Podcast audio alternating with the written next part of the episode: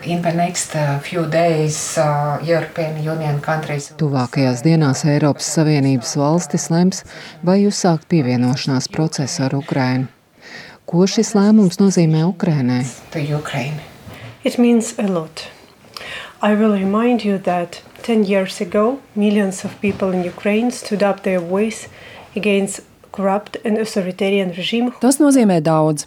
Es atgādināšu, ka pirms desmit gadiem miljoniem cilvēku Ukrainā pacēla savas balsis pret korumpēto režīmu, kas apturēja eiro integrācijas procesu, un miljoniem cilvēku saskārās ar vajāšanu, kas bija lielos apmēros un labi organizēta. Es zinu, par ko es runāju, jo es biju koordinātore sabiedriskajai iniciatīvai Eiromaidans SOS. Mēs iesaistījām vairākus tūkstošus cilvēku, kas sniedza juridisko palīdzību vajātajiem protestētājiem no visas valsts. Katru dienu bija simtiem un simtiem cilvēku, kas tika sisti, arestēti, spīdzināti un apsūdzēti safabricētās krimināllietās.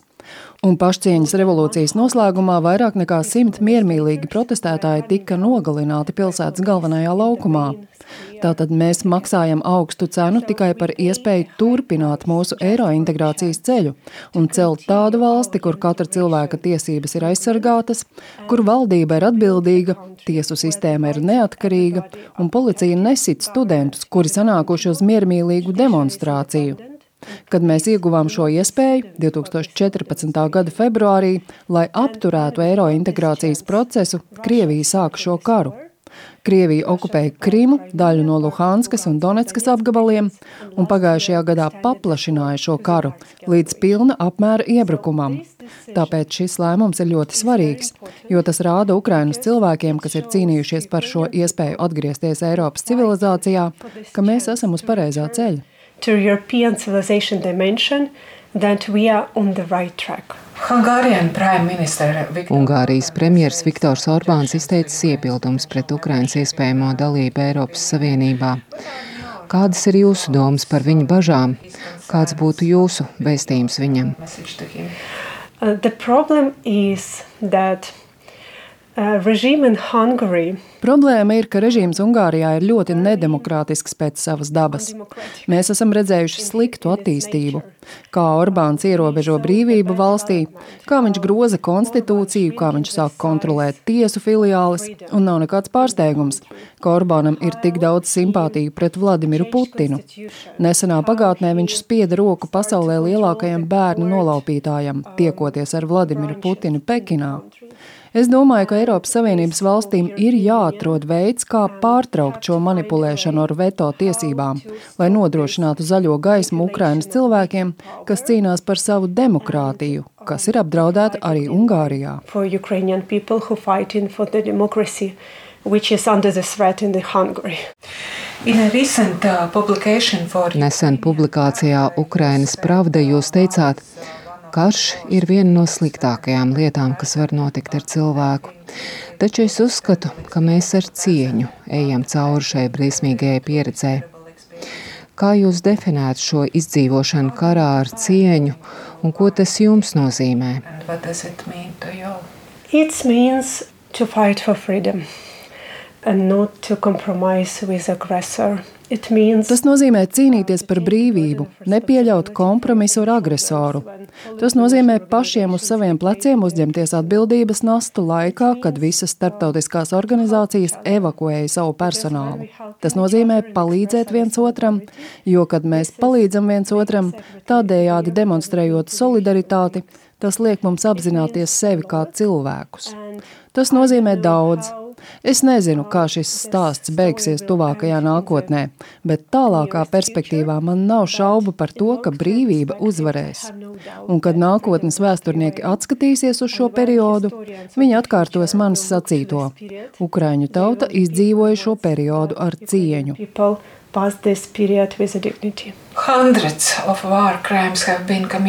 Simtiem kara noziegumu Ukrainā ir pastrādāti kopš pilna apmēra iebrukuma sākuma. Tuvojas iebrukuma otrā gada diena, taču joprojām nav izveidots startautisks kara tribunāls noziegumu izmeklēšanai. Kā jūs kā cilvēktiesību juriste jūtaties par to? I feel a huge responsibility because Es jūtu milzīgu atbildību, jo tas viss ir rezultāts pilnīgai nesodāmības apziņai. Krievijas karaspēks izdarījis briesmīgus kara noziegumus ne tikai Ukrainā. Čečenijā, Moldovā, Gruzijā, Malī, Lībijā, Sīrijā un citās pasaules valstīs. Viņi nekad nav sodīti. Viņi uzskata, ka var darīt visu, ko vēlas, un tas nozīmē, ka mums ir vēsturiska iespēja salauzt šo nesodāmības loku. Ne tikai Ukraiņiem, ne tikai viņiem, ne tikai citām valstīm, kas jau ir cietušas no Krievijas kara noziegumiem, bet lai novērstu nākošo Krievijas uzbrukumu nākošajai valstī.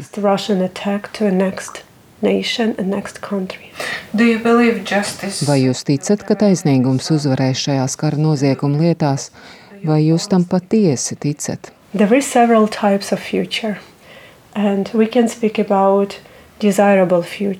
Pastāv vairākas nākotnes perspektīvas.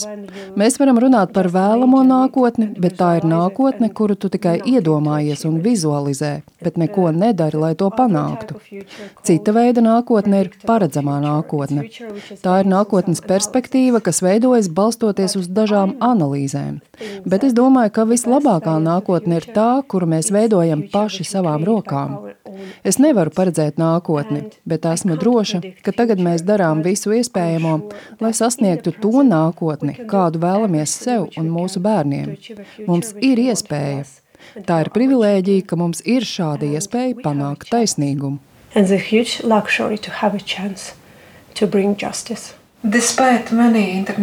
Neskatoties uz daudzajām starptautiskajām sankcijām, Krievijai acīm redzot joprojām izdodas iegūt izaivielas ieroču ražošanai, un šis karš turpinās jau gandrīz divus gadus.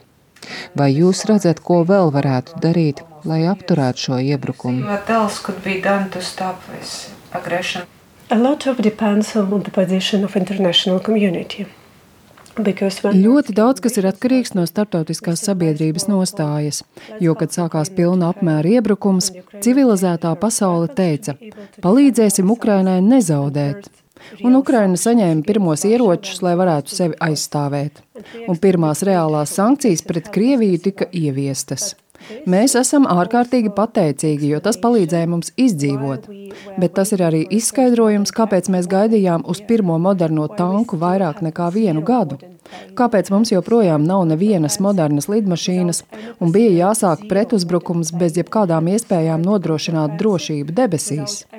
Jo ir milzīga atšķirība starp to palīdzēsim Ukrainai nezaudēt un palīdzēsim Ukrainai uzvarēt.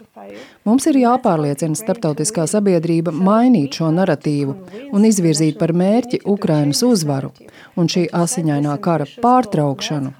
Jo, kad politiķi saka, mēs būsim kopā ar jums tik ilgi, cik tas nepieciešams, tad patiesība ir, mēs negribam, lai šis karš būtu ilgs.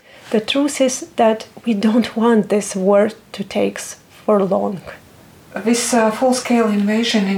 Šis pilna apmēra iebrukums Ukrainā nāk kopā ar noteiktiem ierobežojumiem demokrātijai.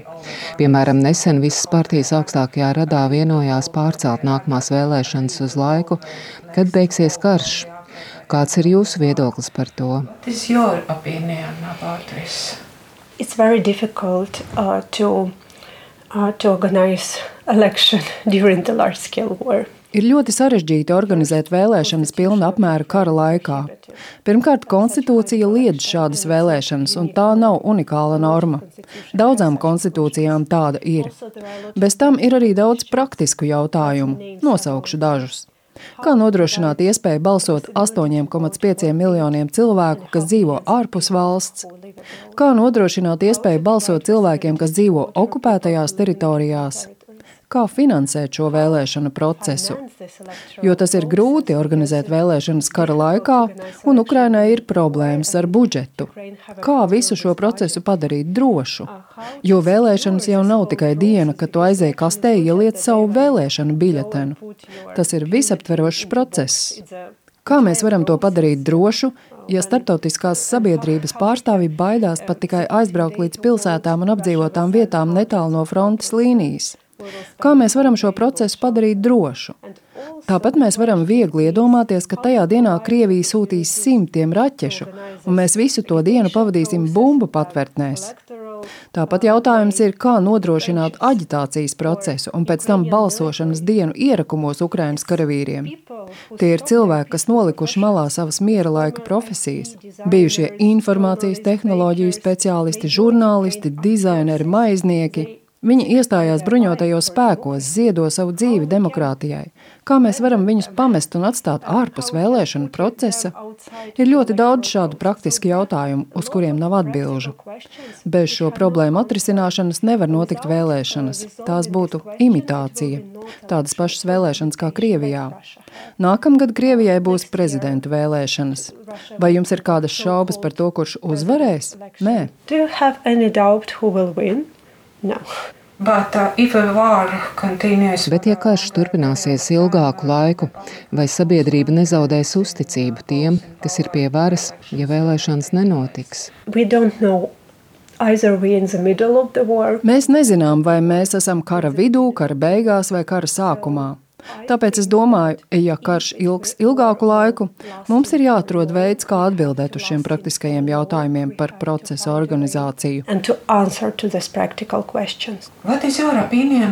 Kāds ir jūsu viedoklis par Startautiskās olimpiskās komitejas lēmumu atļaut individuāliem sportistiem no Krievijas un Baltkrievijas piedalīties Parīzes Olimpiskajās spēlēs neitrālā statusā?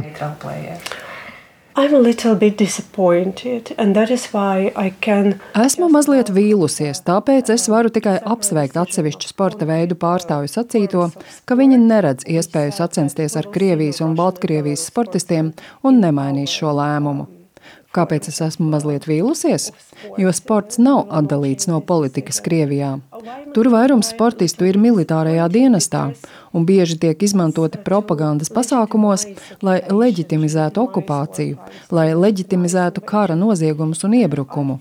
Es domāju, ka šis Startautiskās olimpiskās komitejas vadības lēmums tā nav tikai kļūda, tas ir amorāls lēmums. Um, it's not just mistake, it's immoral decision.